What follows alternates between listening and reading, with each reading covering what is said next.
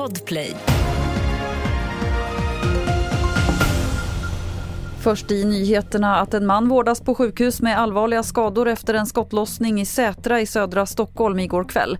Det ska ha hänt i ett bostadsområde. Det finns inga uppgifter om att polisen gripit någon misstänkt. Det utreds som mordförsök. Så till Finland, för med alla röster räknade i presidentvalet där står det klart att Samlingspartiets Alexander Stubb vinner den första omgången.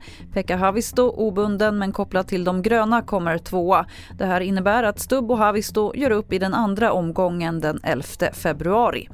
Vi avslutar med handboll för Frankrike vann EM-guldet igår efter seger mot Danmark med 33-31. Sverige tog brons efter seger mot Tyskland. Klackarna i taket för Andreas Palicka som trots en stukad fot stod för en enorm prestation när Sverige besegrade Tyskland med 34-31. Efter domarskandalen i semin var blågult rejält revanschsuget. 20 000 tyska supportrar hjälpte hemmanationen att skapa nerv på slutet. Men en storspelande 37-åring räddade Sverige som vann bronset och säkrade en OS-plats i Paris. Reporter här var Maria Söderfält. Och fler nyheter det finns på tv4.se. Jag heter Lotta Wall.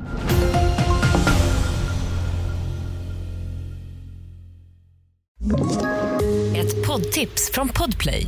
I fallen jag aldrig glömmer djupdyker Hasse Aro i arbetet bakom några av Sveriges mest uppseendeväckande brottsutredningar går vi in med hemlig telefonavlyssning och, och då upplever vi att vi får en total förändring av hans beteende. Vad är det som händer nu? Vem är det som läcker?